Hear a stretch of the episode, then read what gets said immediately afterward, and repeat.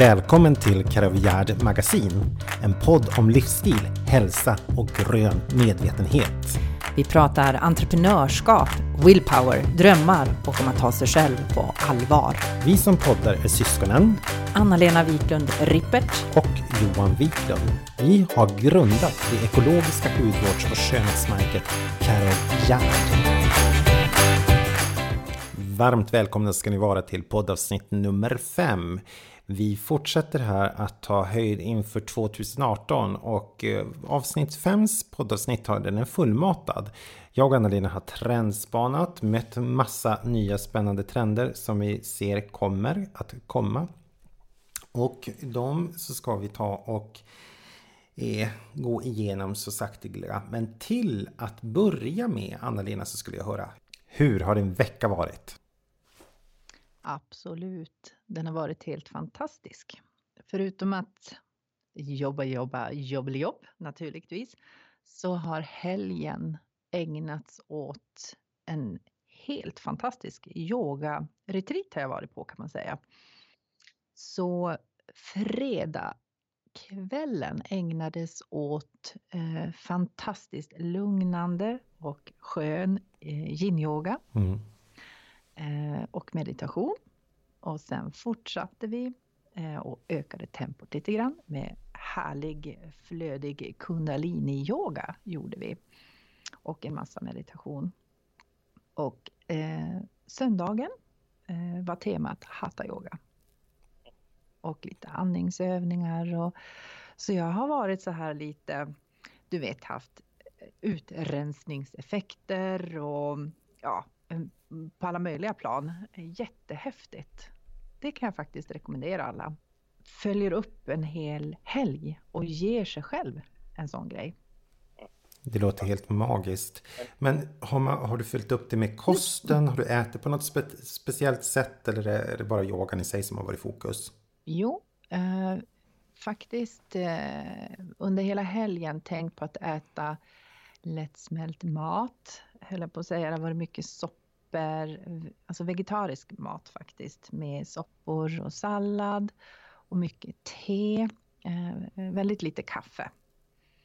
Eh, och sen fick jag ju veta då för att eh, faktiskt alla mådde lite illa och lite tjuvtjockt däremellan. Men eh, många av de här övningarna påverkar ju levermeridianen fick jag lära mig vilket då sätter fart på utrensning och så vidare. Så då tänkte jag då ska jag vara snäll med min kropp och hjälpa till och dricka, då har jag druckit på morgonen direkt jag stigit upp, eh, ljummet vatten som jag har bara kokat upp lite snabbt så att det har blivit ljummet med, med några droppar citron. Så så har jag börjat mina månader.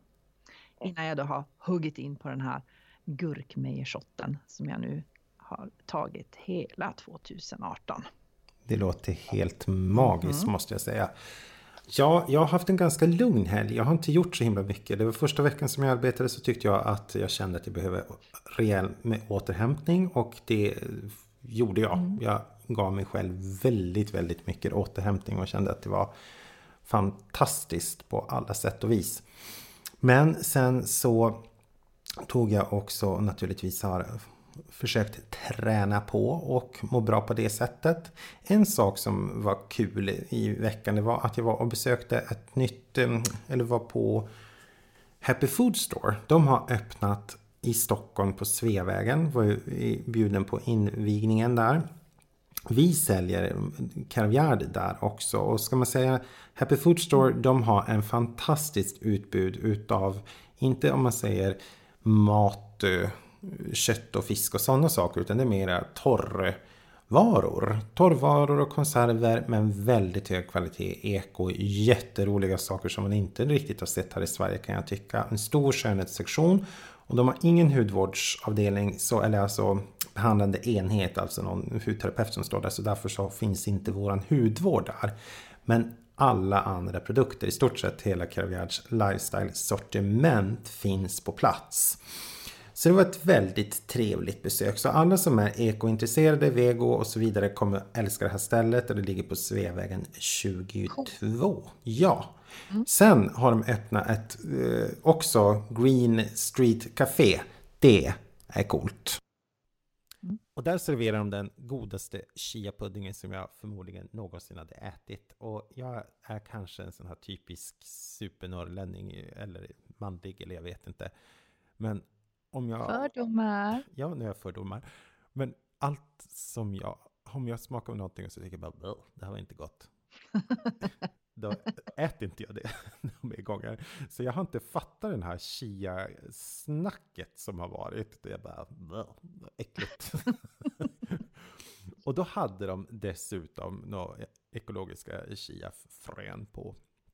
Som starterbjudande, så jag köpte hem den och sen så helt superinspirerad så gjorde jag eh, några bowls till mig själv med chia-pudding. Så det har jag nu gör tre dagars frukost på en dag och ser till att de verkligen... Men vad blandar du i då? Ja, alltså jag kör ju väldigt mycket bladspenat och eller bladspenat, baby, babyspenat. Och sen så kör jag rucola och eh, mango, frusen mango som jag plockar ner och sen kokosmjölk. Har lite eh, kvassle eller kvarg i det och äggvita. Sen så kör jag ner, eh, vad heter det, de här chia-grejerna och häller upp det på en skål och så sen så sätter jag klart med massa olika frukter och sen så stoppar jag in dem i kylskåpet och får de stå där så är det bara äta ur. Ah, men då om jag förstod saken rätt, eh, när, du, när du hanterade babyspenaten och allt det här, alltså då mixar du det? Ja, exakt. Jag ja. såg ju mixen ja. framför mig här. Jo, jag förstår ju det, ja, men alltså det är ju inte vi andra, vet du. Nej, sorry. Mm. Så, Ja, men oh, det ska jag testa. Ja, men faktiskt. Mm. Och det var en riktigt sån där, för jag älskar mina gröna smoothies. Fast de har jag, det känns som att nu helt plötsligt så har min frukost och mitt mellanmål någonting helt olika. Mm. Kul, du ser, ja. man kan hitta inspiration. Ja, men faktiskt. Och på tal om inspiration så tänkte jag att vi skulle påbörja lite grann det jag och du har trendat, Anna-Lena. För att mm. där är ju en av de sakerna att vi kika runt mycket på mm. olika sätt. Eh, och eh, det kommer fram till nummer en. Trend, trendspaning nummer ett. Vad pratar man om ute i världen? Och det här är ju en sak som är ganska intressant för att den här finns redan i Sverige, jag har hört talas om den. Men den spås att eh, putta ner gurkmejan från dess första plats och det är Moringa. Och eh, ja, det, Moringa det är ett träd och den tar man massa olika delar utav. Man kan göra olja utav den, man kan använda eh, löven utav den och den ska vara super, super eh, kraftig på sitt protein och kalcium och betakaroten. Men också vara väldigt hög på C-vitamin och kalium. Hade, hade du hört talas om den, Anna-Lena? No, no. Hade Nej. jag inte gjort. Nej, det, den är väl ganska stor uppe i USA. Och det är väl där som det främsta basset om den är. Så det ska bli spännande att se om den hittar hit, om det kan vara den nästa oljan, för det är väl det som också kommer hela tiden tycker saker som är helt fantastiska.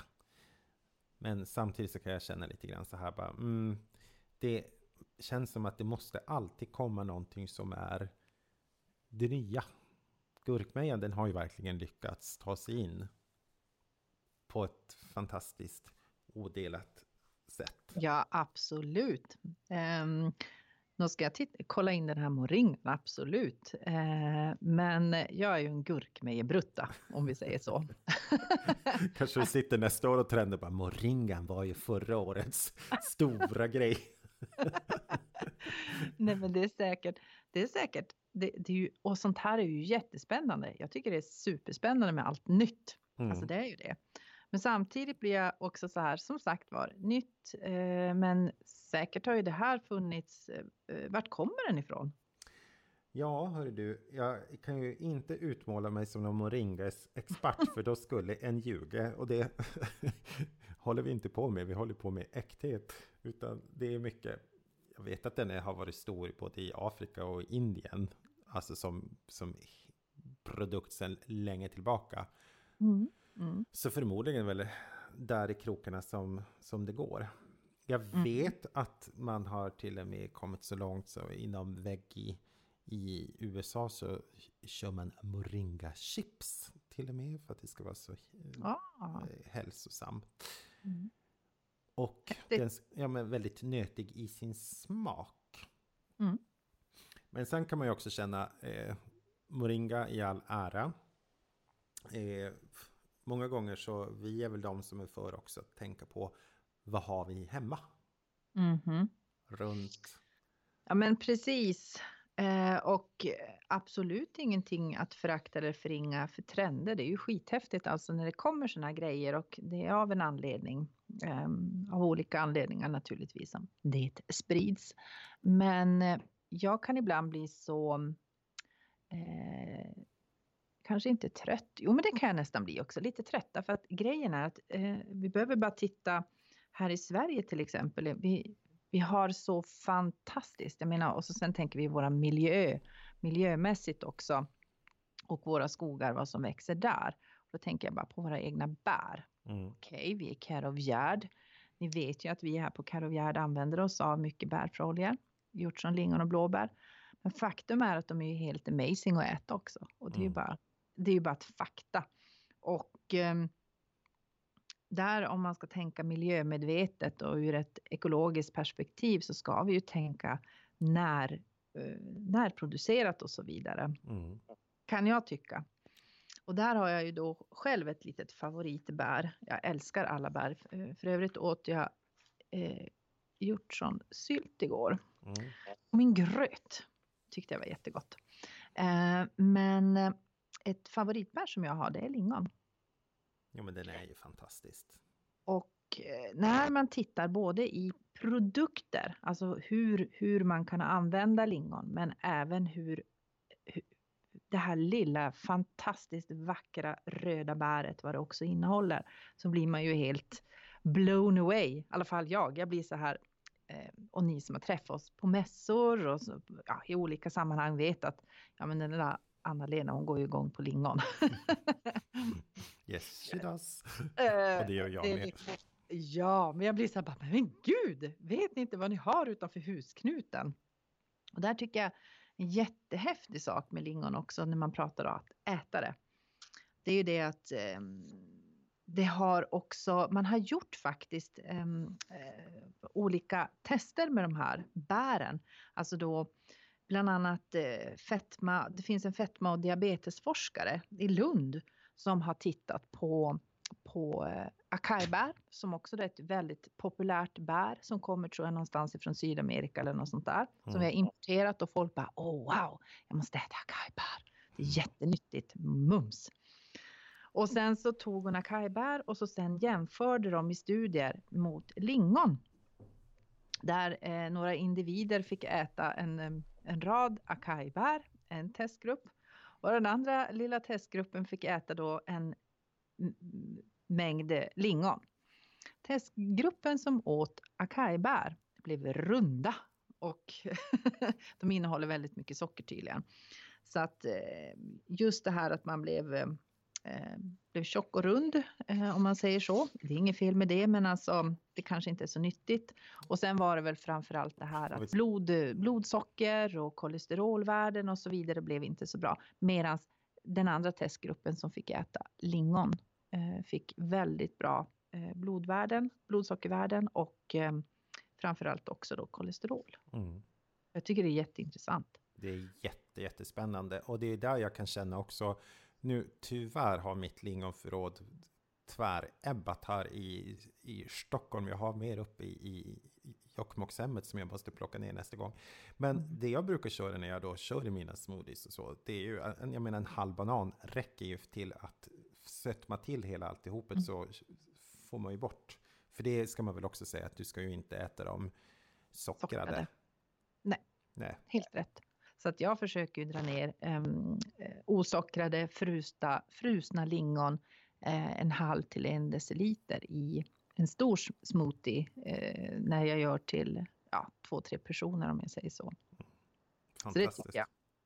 Eh, så trender, woho! Men eh, glöm inte bort också vad vi har. Nej, för det är faktiskt det vi vill slå slag för.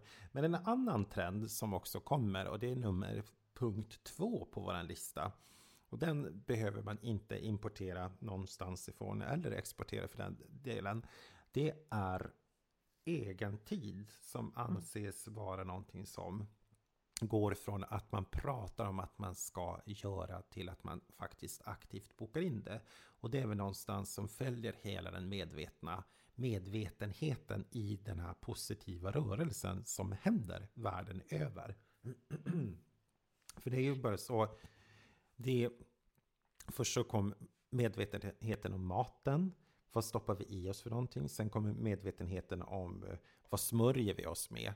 Och sen den andliga medvetenheten eller vad man då vill kalla den. Att man faktiskt mm. en förlängning på, på yoga meditation. Mm. Ja men precis och egentid. Alltså eh, återigen, jag tror att vi har nämnt det här i podden men alltså att ibland kan ju barn, barn behöva faktiskt ha tråkigt. Mm. Eh, man behöver lära sig att downsize allting egentligen. Just det här att hela tiden vara igång, att göra saker. Det är ju både vuxenvärlden och barnvärlden och ungdomsvärlden. Vi är ongoing, det händer så mycket, vi får så mycket information. Vi är ju ett informationssamhälle som, ja, och handen på hjärtat, mycket av informationen som vi tar in är ju bara strunt. Mm. Alltså det är ju ingenting som vi egentligen behöver, men vi belastar våra hjärnor med en massa strunt. Och jag går tillbaka till min mormor och morfar och till min farmor och sådana här saker. Jag tänker bara, kommer du ihåg Johan i Pirtinjaune? Mormor och morfar, eh, de, morfar la nät varenda morgon mm. och så tog han båten och for ut och vittja näten och så åt de frukost på morgonen. Man åt frukost, eller frukostlunch egentligen. Där runt nio, vill jag minnas. Och, ehm, och då åt man fisk. Och eh, tempot var ju på ett helt annat sätt. Och sen ska man vila middag vet ni. Det är väldigt viktigt att vila middag. Och hela den där äh, mindfulness, alltså det blir ju verkligen mindfulness att vara i, um, vara i ögonblicket mm. på något sätt. Så jag tror ju kökssoffor behövs eh, mer in i folks hem. Att vi måste faktiskt satsa på kökssoffor så att man kan ta sig en liten powernap i. Och då, då, då, det relaterar jag till yin-yogan faktiskt. Att kunna slänga sig ner och bara vila, bara vara. Ja, faktiskt. Mera powernaps till alla. Och det, i den här äh, trendrapporten som vi har kikat på lite grann så visar sig också att det är 25 procent högre äh, sökningar på ämnen som är relaterade till egen tid och självomsorg på Google. Mm. Den här tiden jämfört med samma tid i år. Och det tycker man då visar på att det är en medvetenhet som, som sker. Och där kommer ju faktiskt också spa och hemmaspa ta hand om sig själv. Det var mm. någon, en, en kollega slash konkurrent hur man ser på saken over there på andra sidan sjön, havet. Som också tycker att deras försäljning hade gått upp utav eh, relaterade produkter som har med egen tid att göra. Och då ja. blev vi ju tvungna att gå in och kolla vår egen statistik. Det är ju samma här. Ja, och det var ganska lustigt att se att på badsalterna mm. och eh, så har det ju, nu, nu, har vi ju vuxit så, så det är svårt att säga vad, vad som är vad. Men om man mm. ska tro att det har, härrör till just den trenden att man får en större benägenhet att ta hand om sig själv så kan man ju absolut koppla samman det också. Och jag blir så himla lycklig för det är ju också en sån här grej det här kan ju låta i vissa människors öron helt jättekonstigt, men men eh, kommer folk på besök till mig så kan det ibland bli så att vi sitter och resonerar och dricker te och sen så tar man fram ett fotbad och så sitter vi där mm. eh, och tar ett fotbad tillsammans. Eh, och bara är. Eh, och det, är de där enkla sakerna. Jag älskar spa. Jag älskar att åka på spa. Det är ju helt amazing. Jag tycker det är helt underbart. Mer spa till folket. Men faktum är att man kan spa i det lilla, även hemma. Mm. Och göra små sådana saker för sin egen skull. Det där lilla fotbadet. Eh, det tar på hela kroppen. Man blir faktiskt avslappnad och lugn. Smörja in sig med en liten skön fotkräm efteråt. Ta på sig ett par mysiga strumpor. Hasa runt i, i myskläder. Göra en liten ansiktsmask på sig själv. Alltså, det behöver inte vara så himla komplicerat alltid. Men man riktar uppmärksamheten på att ta hand om sig själv. Exakt. I see you. Och you i det här fallet är me. Det är, det är me. så, jag, jag ser mig själv, jag tar hand om mig själv. Och det är ja. inte så himla dumt. Äh, bra trend, den slår vi ett slag för och hoppas att den kommer att, att växa. En annan spännande trend som återkommer i två olika punkter här, men punkt ettan som är, eller ja, punkt tre på vår lista är Tech versus hormoner 1.0. Och eh, det har ju blivit väldigt stort det här med, med eh, att kunna kontrollera och eh, via appar sin cykel när man inte ska vara säker med att inte bli med barn eller bli med barn om man vill det för den sakens skull. Vi har ju tagit del av att det både gått bra och inte bra utav olika studier. Men då var det en expert som uttalade sig i ämnet som sa att, att jo, slarvar man med det här då är det naturligtvis inte samma säkerhet. Utan det kanske kan finnas slarv i form av att man har varit ute, man har och partat lite grann och så sen så kollar man på den här glömmer bort att kolla temperaturen, man följer inte den biten. Det fanns massa olika anledningar som hon tyckte man skulle vara lite mm, tänkt över. Men i det stora hela så ska det tydligen vara väldigt, väldigt säkert. Och det som jag tänker, det är just det här att slippa käka hormoner. Mm, absolut. Det där är en sån här grej som, som eh, ja men herregud, halva befolkningen består ju av kvinnor senast jag kollade. Det är faktiskt på det sättet. Och jag kan bli personligen fruktansvärt irriterad och upprörd att just kvinnor blir negligerade tycker jag när det kommer till eh, de här sakerna med, med eh, hormoner och ja men hela, vi pratar inte bara om, om, om den biten utan du har ju klimakteriet och du har all, i alla olika livets skiften. Mm. Så är ju hormonerna där och påverkar oss på ett eller annat sätt. Och jag tycker att det är för lite forskning inom ämnet. Jag tycker att det är för lite, det är så lätt att trycka i folk um, antingen då hormoner, p-piller eller att man ska äta östrogen eller, eller att man helt enkelt, nu kommer jag använda ett väldigt kraftfullt uttryck, man slaktar kvinnor. Och du vet vad jag tycker om det. Mm. Liksom det här med att ja, men vi gör en total vi tar bort, nu hittar jag inte mm, det rätta hyst, det heter, jag, jag hittar inte det ordet, men alltså att man tar bort livmodern och, mm. och så vidare. Um, nej, kvinnor behöver få ha kontroll på sina kroppar men vi måste också få hjälp med det, att, med mer forskning och sådana saker. För att hormoner det är sånt stort och viktigt ämne. Så det här är ju en bra grej om det skulle fungera. Absolut, och det som är väldigt intressant tycker jag också, för det verkar ju vara tjejer eller många kvinnor som ligger, techkvinnor som ligger bakom de här äh, forskningarna. Och det är mm. väl det som vi kanske kan se en del utav jämställdheten som mm. kommer med nästa generation där man faktiskt börjar plana ut det här med vem som är tech. Det är inte ett typiskt manligt område, det är precis Nej. lika mycket kvinnor som är som är där. Och naturligtvis så har vi olika in sikter och, och, och syner. Så att mm. det är ja, mycket spännande. Det håller vi tummarna för. Det tycker jag om. Det är en, det är en bra trend och det är bra att kvinnor kliver fram. Absolut. Mm. Trendspaning nummer fyra. På, från högt till lågt. Från högt till lågt. Från hormoner till att... Till, eh, fast det här kan påverka hormonerna. Ja, eh, allra högsta grad. uh, Men där har vi då tittat på det här med fitnessstudio, alltså att träna hemma. Mm. Att faktiskt inte behöva gå iväg till en träningsstudio. Jag menar det finns tillfällen i, i livet när man kanske inte orkar vara social. Man kanske är så himla socialt alltså igång och, och med människor, man träffar människor och man vill faktiskt bara vara hemma. Mm. Och att man då faktiskt kan via den nya tekniken eh, vara med på klasser fast mm. du är hemma. Mm. Och där har vi bland annat, eh, men det finns ju hur många som helst, men bland annat eh, har jag även blivit erbjuden yogaklasser att kunna träna hemma. Det är ju super, super smart. Mm. Jag vet, jag har en tjejkompis som började med det här. Hon var early adopter som det då så snyggt heter.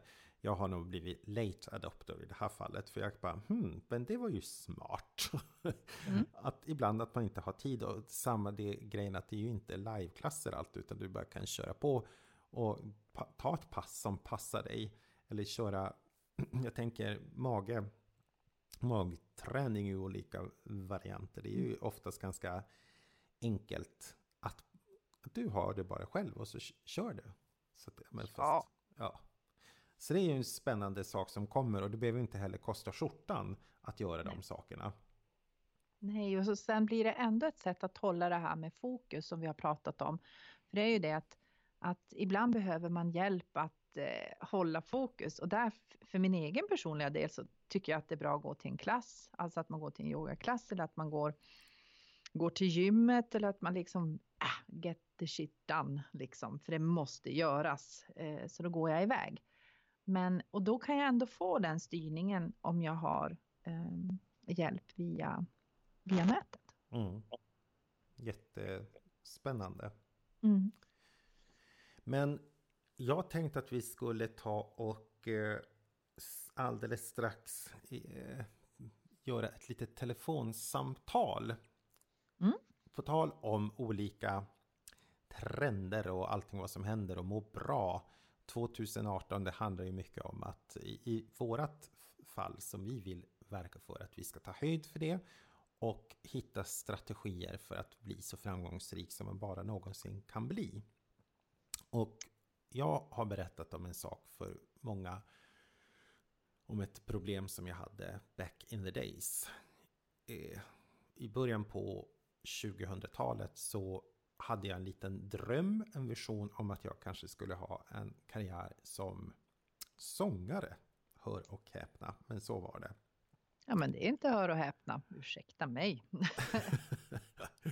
Nej, men det som var roligt, för det var ju klassisk musik som jag verkade inom då också och fick ett fantastiskt uppdrag på, på Kungliga slottet.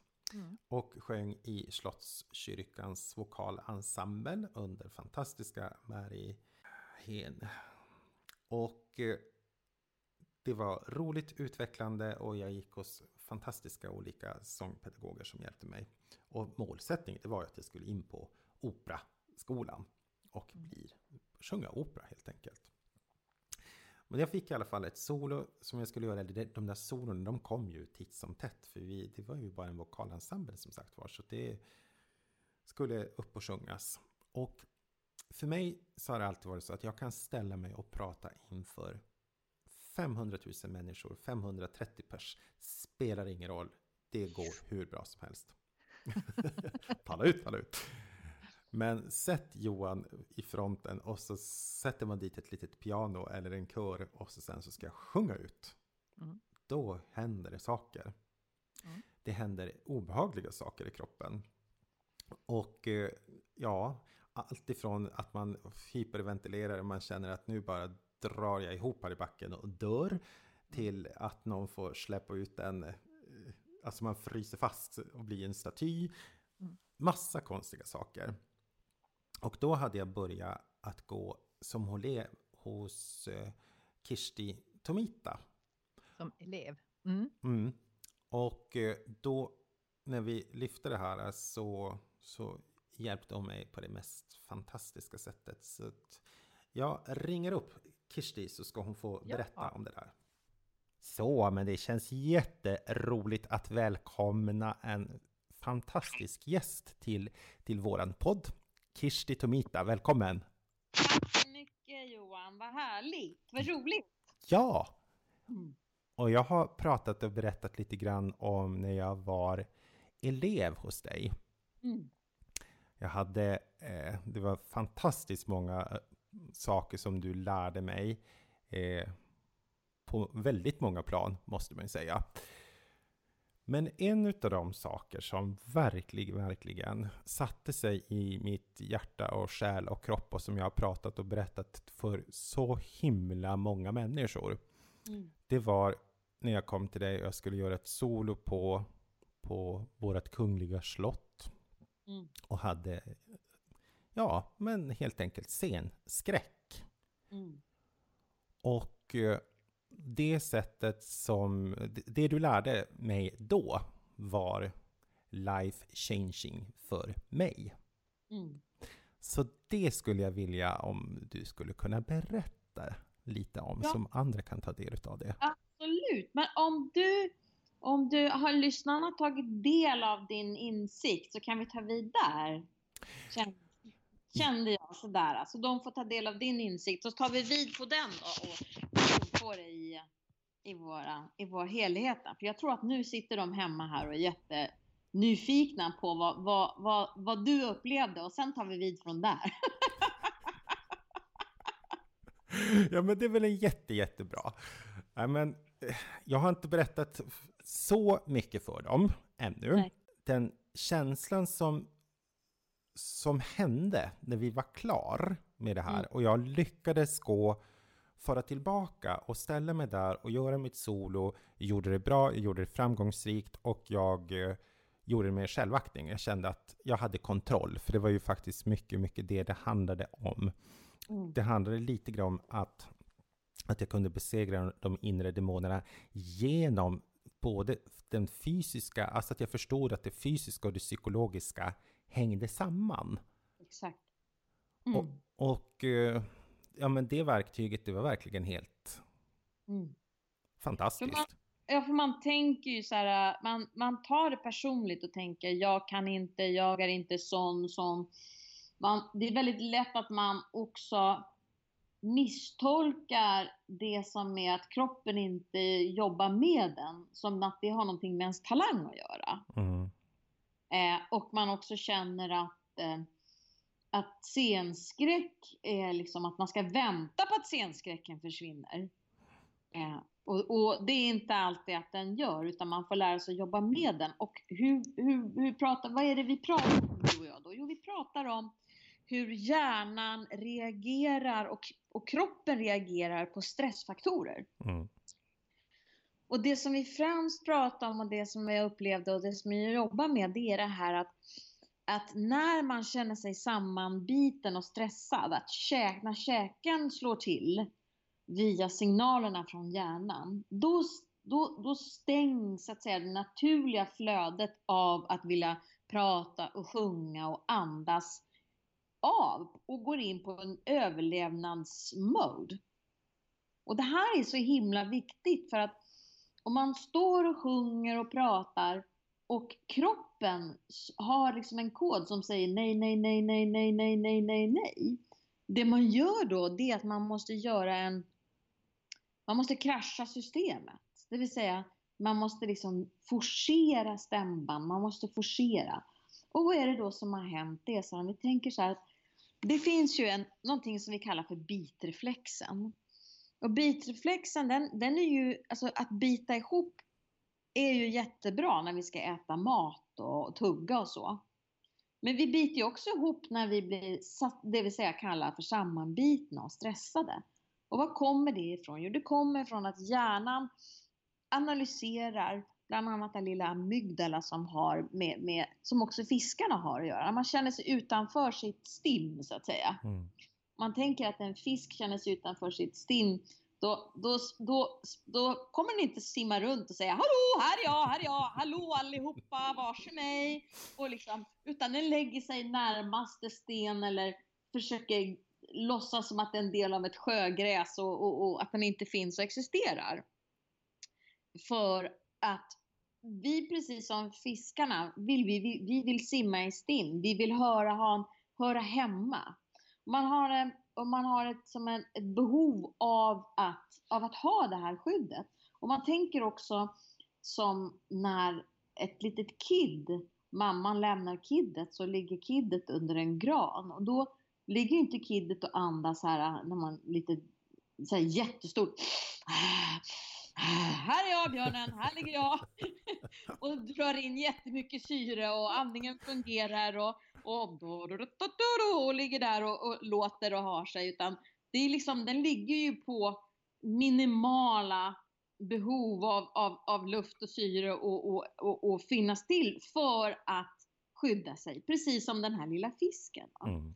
Och det är det när man får scenskräck. Då står man inför den här, alltså kroppen kommer inte särskilja på om du står framför en, en, en, en, en grizzlybjörn eller om du står framför någon som ska hugga av dig armarna eller något annat farligt.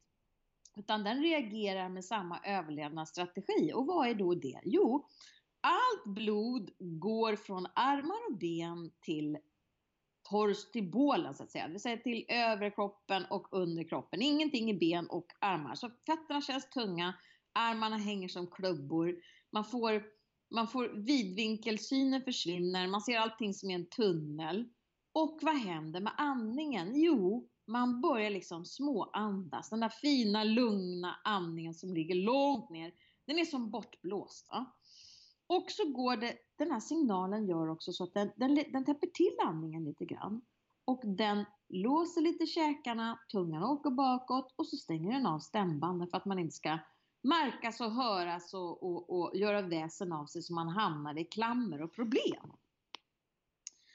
Och då tänker man så här att ja, jag måste hitta någon fin retorik som gör att jag törs stå på scenen och prata inför folk. Eller man känner att ja, det är något fel på mig. Jag, för att man känner ju den här klumpen i halsen mm. som infinner sig då. Den kan man ju känna också eh, när man är, eh, ser en läskig film eller en sorglig film eller om man är arg eller ledsen och så ska man säga ifrån och så blir det som en liten tupp så här, och helt plötsligt går rösten upp i falsett istället för att ha en klar och tydlig klang. Stämbanden har fått en signal via hjärnan och bitreflexen att de inte ska jobba. De ska inte jobba alls. Nej, för de ska överleva. Mm. Och de, antingen ska de tugga och, och, äta och få ner mat i rätt strupe. Eh, för att man, man vet ju, tuggar man och biter man så kan man ju få maten i fel strupe då. Mm. Mm. Eller så ska den överleva. Under vilka omständigheter som helst. Och det här, det här är också det här med, med, med tugg, bitreflexen och tuggreflexen. När man är jätte, jätteliten innan man får de här stora tuggtänderna så har man ingen bitreflex. Det är därför det är jätteläskigt med små barn. De måste ha, man måste mojsa den där bananen så att den är liksom som rinnig. Så att den inte så att den går att hosta upp så att det inte kan fastna några bitar. Mm. Men så fort vi får kindtänder så utvecklas våra bit, eh, våra bitmuskulatur och jobbar på ett helt annat sätt. Och så det gäller även när man äter men det är också samma vid stress. Och vid långvarig stress så blir andningen ytlig som man upplever permanent. Man har liksom tappat bort hur man jobbar, hur kroppen har glömt bort hur den gör, för den går i en överlevnadsmode. Mm. Så det som också har hänt är att, att man har lärt sig att smälla ihop stämbanden och smälla ihop och, och, och tvinga ihop allting. Om det vad man kallar för, om man ska prata lite engelska swinglish här, man gör en override. Så om du har en dator där inget, som ingenting funkar så gör man, man kraschar systemet och så gör man en liten override och tvingar systemet att fungera ändå. Det är det vi gör. Vi, vi tvingar ihop stämbanden och vi tvingar i oss luft. Och då känner vi att vi inte får luft.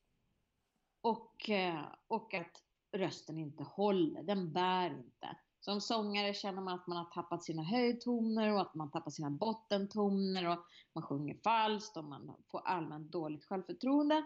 Och sen en dag när man känner sig jättelycklig och avslappnad så ställer man sig och sjunger så tänker man så här, men herregud idag, men jag har nog lite talang. Det är nog inte så himla pjåkigt i varje fall.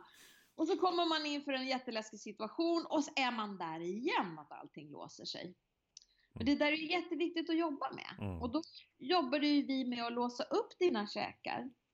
Och få tillbaka andningen och tala om för kroppen att faran är över. Och just den här förståelsen också för hur kroppen fungerar är så viktig för att då slipper jag känna att det är fel på mig. Mm. Bara känna så här, men, men jag är ju bara en människa. Är det så här för alla? Ja, det är så här för alla. Det är som en hanhund som lyfter på benet och kissar på en stolpe liksom. Mm. Det, det, är liksom inbyggt i systemet. Det är inget personligt. Och det finns, du kan ha jättebra retorik och du kan ha jättebra vad du ska säga och allting är helt... Men jag menar om du inte förstår det på din kropp eller om det har varit sammanbiten och som man säger, man säger det är bara att bita ihop och svälja liksom. Mm. Allt är bara, det är, det, är, det är värdelöst. Och så tänker man så här att allting hänger på inandningen. Men nu ska ni få höra här alla. Lyssna nu noga på att, någonting jätteviktigt. Får man ut all luft, så mycket som möjligt, då kommer man få in luft. Så länge man lever och inte har alla andningsvägar tilltäppta på grund av någon, någon svullnande eller astmatisk allvarligt. Men i varje fall fokusera på att få ut luften. Mm. Bakom, förpacka magen, ut med luften, ut med luften, ut med luften, ut med luften. Till slut så bara släpper man så, bara, så kommer det in av sig själv. Liksom. Mm. Mm. Ja, det är fantastiskt. Jag körde ju ett lite sådär norrländskt mantra. Jag vet det, jag kanske inte berättar det för dig. Det är inte lika pedagogiskt, men det blev ett bra mantra. Och här, ja. Ut tungjävel, du ska inte in i käften, gå bak, utan du ska ligga ut. Och jag jobbade ja, mycket med Ja, ut, ja, precis. Ut med tungan långt fram. Och man känner sig lite så här som att tungan hänger och, det där är väldigt intressant, för man känner att tungan blir för stor i munnen. Mm. Men det är så här att när tungan är stel, då blir den som en liten pinne och så blir den lång. Den, den ska liksom agera planka. För den ska liksom vispa maten mellan tänderna och så ska den upp över käken och så sväljer man till va. Och då mm. är den lång och smal. Men när man ska sjunga och prata, då ska den vara bred hela vägen bak. Och när tungan är bred, då frigörs tungspetsen. Och så känner man sig jätteväl artikulerad och allting känns bra. Mm. Vet, när tungan har varit lång och smal som en pinne länge, då, då blir allting liksom oformligt. Den kanske är jättebred långt fram, men jättelångt bak är den fortfarande som en pinne. Så det där, det där, går, det där går över. Eh, och sen ska man tänka så här, förstår ni. Nu ska ni höra att när man har man ska, in, man ska ha tungspetsen i underkäken. Lyssna nu på mig. Man ska ha tungspetsen i underkäken. Eh, precis, det är liksom en liten grop innan nästan att tungan uh, trillar ut ovanför tandkanten. Där finns en liten grop. Och när man sätter tungspetsen där, då kommer man känna att man får jättemycket saliv. Och så kommer man känna sig lite här. Ja. Men det är för att tungan inte är van att vara bred. Den ska vara bred hela vägen bak till, till Eh, långt ner i svalget. Alltså som en, som en fet rocka eller som en stor, fet tjur hela vägen bak. Och eh, när den är bred, då slutar tänderna att mötas med varandra. Så man ska tänka sig att tänderna ska inte mötas. Utan tungan ska vara, om, du, om ni tänker nu alla lyssnare att tungan, att eh, underkäken är som en degbunke. Va? Och så jäser degen. Nästan så att den jäser över. Så tungan ska liksom nästan rinna över kanten på sidorna. Och början känner man sig lite så här. Mm. Och det är för att tungan är van att ligga inklämd antingen för det mesta i överkäken så att man får en rand, den får inte plats. Eller inklämd i underkäken. Men den ska ligga där som en fin härlig deg som är på väg att ha jäst ut över kanten liksom. Då börjar tungspetsen så småningom att vakna till liv. Och då blir det mycket roligare och då kan man tänka som du sa, ut ur munnen tungjäkel. ja, men det, och det är ju det här som är så underbart Kirsti, för det spelar ju ingen roll om man är sångare eller om man ska prata eller vad, oavsett vilken situation som man är i som människa som man har den här utsattheten, att man mm. har problem att prata inför folk, man, mm. eller inför sin klass eller mm. ja, så kan man ju applicera det här. Mm. Och det vill jag också att du ska veta att det är jättemånga som jag berättar det här till som har kommit till mig och sagt, men gud vad häftigt, vilken stor förändring det blev. Åh, vad underbart. Det här är så underbart med att ge vidare sin kunskap och det här är ju tack vare min fina, fina lärare Ebba Nilsdotter. Det är hon som har givit den här kunskapen till, till mig och till Sverige på något vis. Mm. Alltså, hon, är en, hon är den stora, stora föregångaren i det här och hon var logoped på Karolinska och sångare. Mm. Född 1921.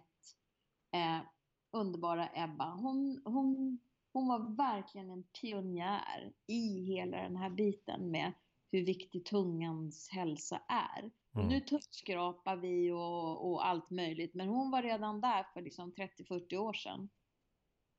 Häftigt. Ja, verkligen. Mm. Otroligt häftigt. Eh, fantastiskt Kirsti att du ville vara med och dela med dig av den här kunskapen. Mm. Det tror jag våra lyssnare kommer uppskatta otroligt mycket. Men sen tänkte jag höra också, jag vet ju, jag såg att du har, om man vill komma i kontakt med dig. Ja. Kanske sångare eller någonting och känner att man vill gå vidare. Vad, hur kan man göra då?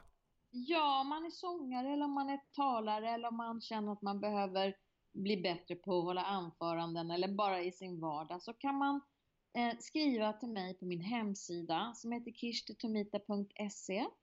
Mm. Och eh, jag, jag gör alltid så att jag prickar av och, eh, så att jag vet vilka som har hört av sig och så svarar jag. Nu har jag, nu har jag haft väldigt mycket om mig och kring mig här kring januari så. Men jag kommer att höra av mig. Eh, om inte så till februari. Men skriv ni, gå in på hemsidan och läs lite mer. Det finns mycket och, och, och spännande att läsa där. Och, eh, och så skriv, släng iväg ett litet mail till mig. Alla är välkomna eh, för eh, allt det här är viktigt för alla. Mm. Precis som du säger och det är därför vi tar upp det här i, i er jättefina podd. Mm. Mm. Underbart. Tusen tack och ha en fantastisk dag. Det ska jag ha detsamma. Kram på dig älsklingen och ja. på er alla lyssnare. Ha det så fint. Detsamma. Kram, kram. Kram, hej. Hej. Fantastiskt samtal var det med Kirsti. Och jag hoppas verkligen att ja. det, många kommer få känna bara tjoho, här får man saker att arbeta med. För det går faktiskt att, att råda bot på de där sakerna. Ja, Kirsti är också väldigt duktig på det mm. där. Till och med jag har ju fått massage av henne. Mm. En, en form av, det var jättehäftigt. Nu, nu gjorde vi inte tung massage på mig men, men eh, ja. Så att det är, bli närvarande i sin kropp och få kontroll på den. Det är väl det det handlar om. Ja men det är ju faktiskt lite exakt precis så. Ja. Ja men ska vi gå tillbaka till vår trendspaning Anna-Lena? Absolut. Och, och där här... hade vi tittat, jag måste få säga en trendspaning som jag tyckte var lite smårolig. Det är att det här med kombucha har blivit så stort. Mm. Har du druckit det någon gång? Jo, det? alltså jo. Jo och nej mm. kan jag säga. Det är som, jag mm. drack en kombucha en gång som var dålig och du vet ju som... Ja, då är det dåligt forever när du hade smak. Då blir jag lite misstänksam.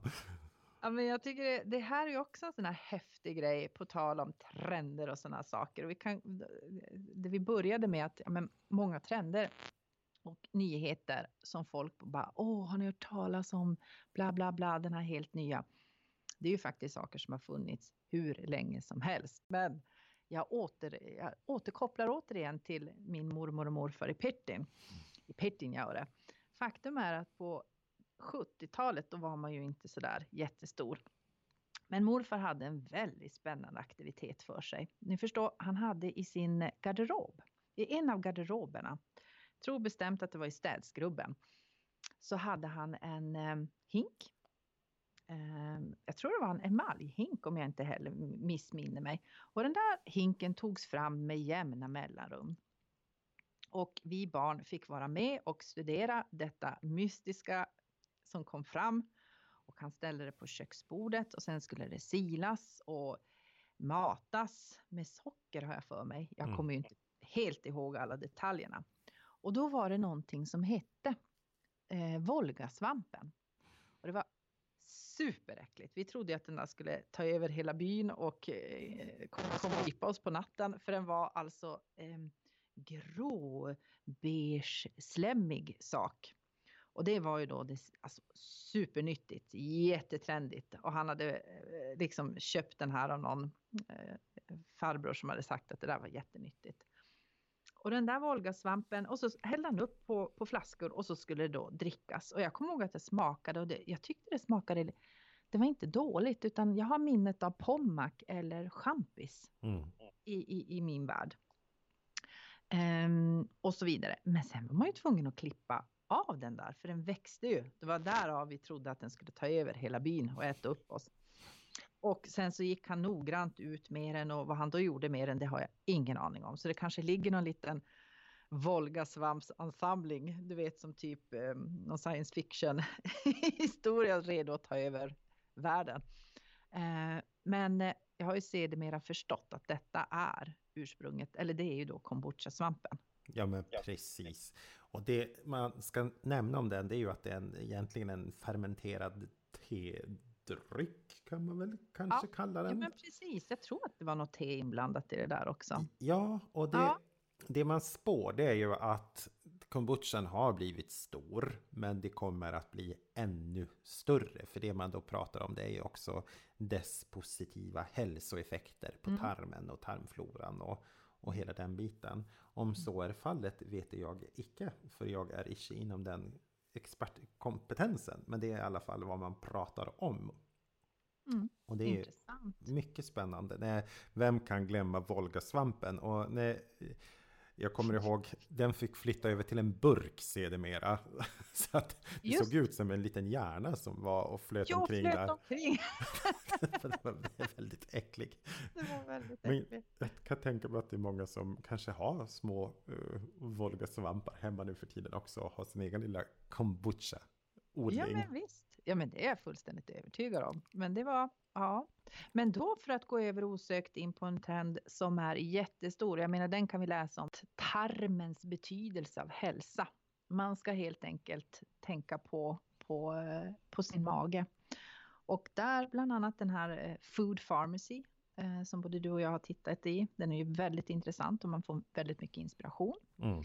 Eh, och där har jag faktiskt själv börjat följa en herre som är närmare 90 år, en gammal läkare som heter Stig Bengmark som talar väldigt mycket om just tarmens betydelse för hälsan och eh, just det här med probiotika och, eh, och att mata tarmen med prebiotika för att få den här probiotikan att, att eh, växa.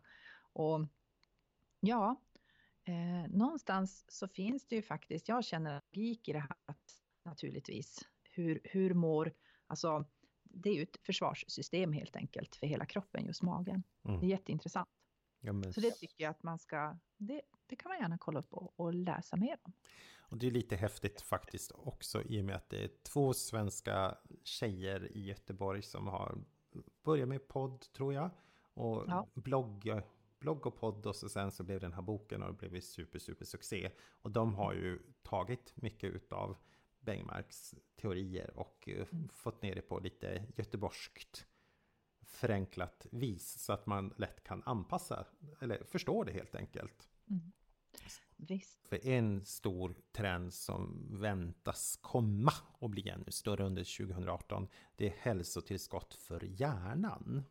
Mm. Och då mm. kan jag känna lite grann så här, vad kan egentligen vara mer eh, hälsotillskott för hjärnan än en god kost, en god mat? Att man då när sig med, med bra saker, som exempelvis de förespråkar. Mm. För att det är väl jättebra om man kan äta ett piller som hjälper till att, att få de sakerna också. Men är det inte lite enkelt att gå över ån att eh, mm. nu mm. tar jag ett piller och då behöver inte jag tänka mer än så. Vi vill lite... det, vet ju, det vet ju du också. Jag menar, så funkar ju vi människor. Skulle det vara så att det, vi gillar ju att ta det easy way. Alltså att, att um, de flesta av oss skulle väl peta i oss piller för allting, höll på att säga. Om, om det var så enkelt. Men så enkelt är det ju inte. Ja, det är man ju måste inte det. jobba med sig själv, man måste jobba med, med sin kost, man måste jobba med ja, men hela den där biten. Och jag tror ju också hjärnan, det är jätteviktigt med vad vi äter, vad vi tillför för, för näringsämnen i våran mat. Men sen också det här med stress. Mm. Som jag varit inne på tusentals gånger. Men det är det mest farliga vi kan utsätta våran kropp och våran hjärna för. Utan Mm. vi måste må gott och ehm, eh, helt enkelt klippa bort och kunna slänga oss på den där kökssoffan lite då och då. Ta det lugnt. Bara vara. Precis. Eh, Hjärntillskott, sömn. Exakt. In- Tjoho! Tjoho, inte så dumt. Nej. En eh, ytterligare, om vi går vidare i våran lista så pratar man om att det här är året som vi går över att det blir ekologiska med våra hundars eller husdjurs mat. Och att det är en trend som kommer väldigt, väldigt starkt. Eh, jag är ju en hundkille och haft fantastisk eh, Grand Danois under många år, fast det var ju länge sedan nu. Så att jag känner mig helt bortkopplad från, från den genren. Du som har hund, Anna-Lena, vad, vad tänker du? Ja men absolut. Och eh, jag försöker tänka, och skulle det finnas möjlighet, eh, vi, vi kokar ju, jag menar, ibland så kokar vi egen mat åt henne och så vidare. Eh, men jag försöker köpa bra foder i djuraffär. Så, Mm. som jag vet är rekommenderat och så vidare. Eh, och samma till mina katter. Försöker jag tänka på det. Det är lite... Men- Ja, Men det, men det är en intressant grej för att jag menar det är ju egentligen om man tänker efter. Det är väldigt mycket vete och det är väldigt mycket sådana saker som man trycker in i och jag menar på tal om hormoner, är det inte Ja. mycket men- rest... restskit som Ja. våra husdjur får. Så. så att det där tror jag det är en marknad som kommer nog växa mer. Det tror jag också. På, eh, på ökad medvetenhet. Nu vet jag inte om ni som lyssnar har djur, men vi har ju hållit på att prata om i Karavjärd att ja, men kanske vi skulle faktiskt ta fram en liten serie för, för hundar, för hästar, alltså som har till exempel ja, men shampoo, sådana saker som man kan behöva använda. Om ni har någonting som ni tycker om det så får ni jättegärna kommentera på antingen inne på bloggen eller på Karavjärd magasin eller på eh, Facebook. Nej. Eller Facebook. Eller mail eller något sånt där. Mm. Om, om du tycker att ja, men det är väldigt smart att komma med en sån. Eller jag saknar vettig, vettiga produkter för hundar och hästar. Det, Ja. det har vi klurat på. Så det var ju Mm. faktiskt en trend som, som vi kanske hakar på. Mm. Så. Mm. Sen lyft Skandinavien fram i en annan internationell trendspaning som jag kollade på. Och där menar man på att under 2018, det fortsätter ju samma eh, energi som vi pratar om, det är det här medvetenheten, men att man aktivt tar in lugna element in i hemmet. Mm. Och då, med det menar man att man kanske kan ta element som eh, eh, få yoga-studiokänslan hemma.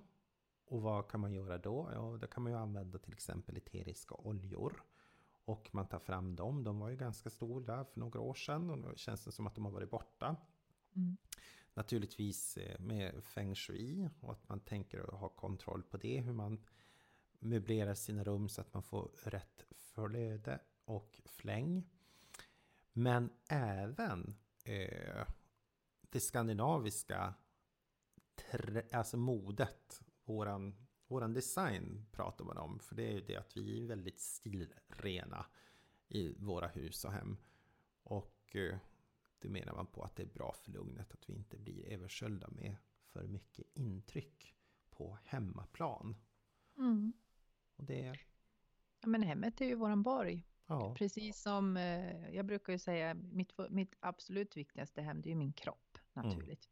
Men sen ska ju den här kroppen vila någonstans och då ska den ju vila i min borg. Och det är ju mitt hem. det passar med, med, med våra tema Anna-Lena också som är Mm. just det där att eh, bevaka eh, och ta höjd inför 2018. Mm.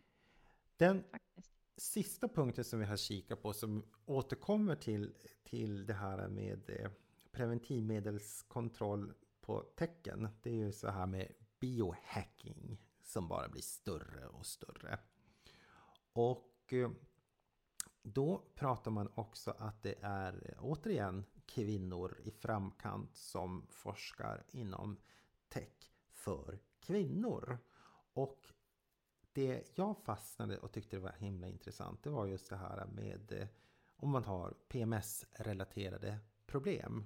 Att hur kan man då hacka kroppen med rätt mat, med rätt eh, motion, vila, och olika saker för att faktiskt då kunna kontrollera det. Återigen, bort från hormoner, bort från de artificiella sätten, men med att dels teknikens möjligheter via tempo och olika saker få kontroll eller kunna stötta upp det.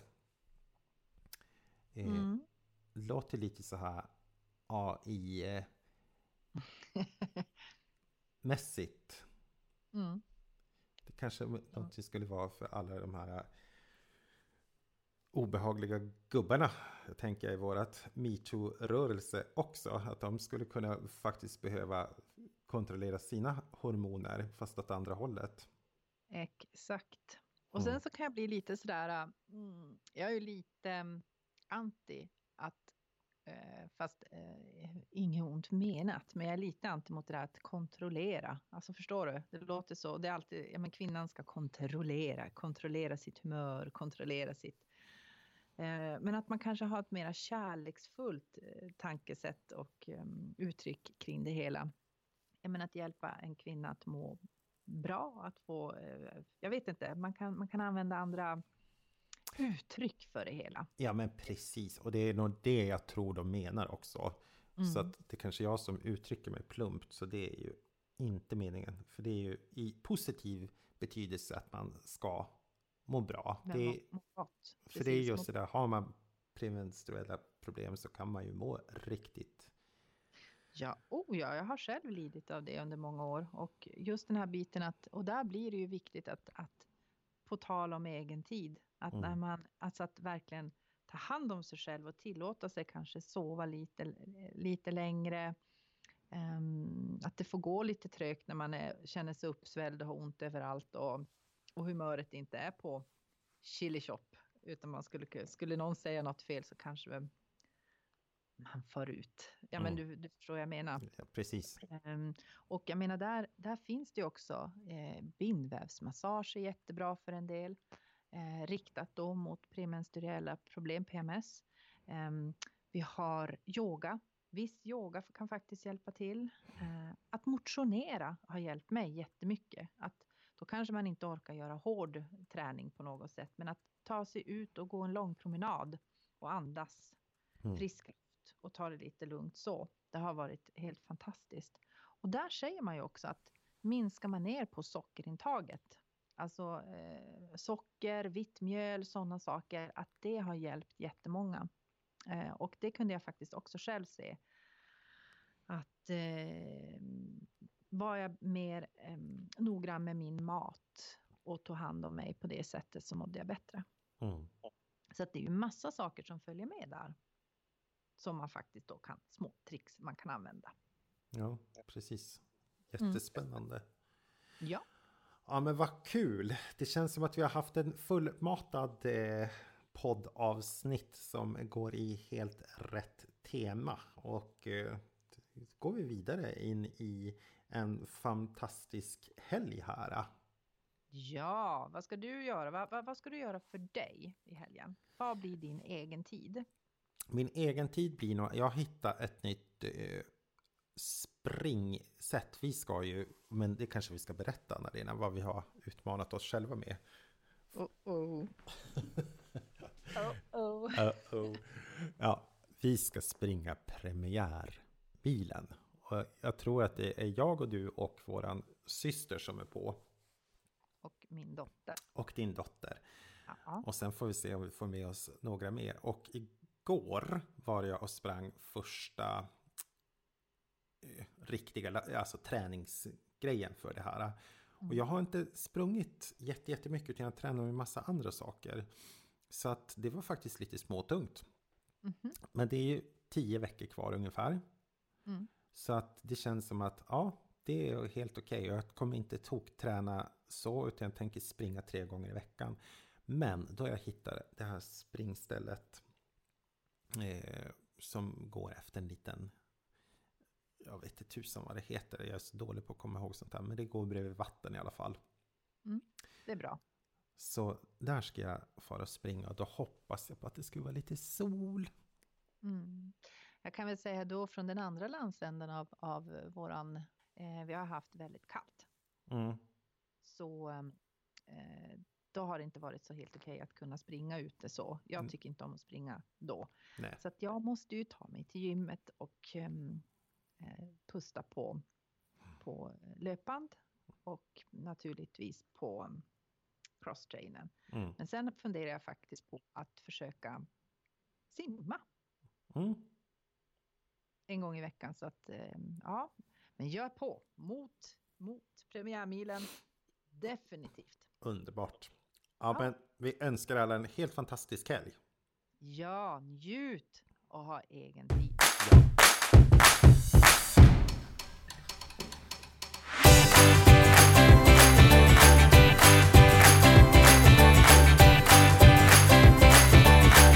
Tack för att ni har lyssnat på livsstilspodden Karavjärd Magasin. Vill ni ha mer av oss så gå in på careofgärd.se och läs vårt digitala livsstilsmagasin. Ni möter oss och andra influencers som Sveriges örtdrottning Queen Bee Lisen Sundgren, den samiska entreprenören Victoria Harnes och en massa andra spännande personligheter.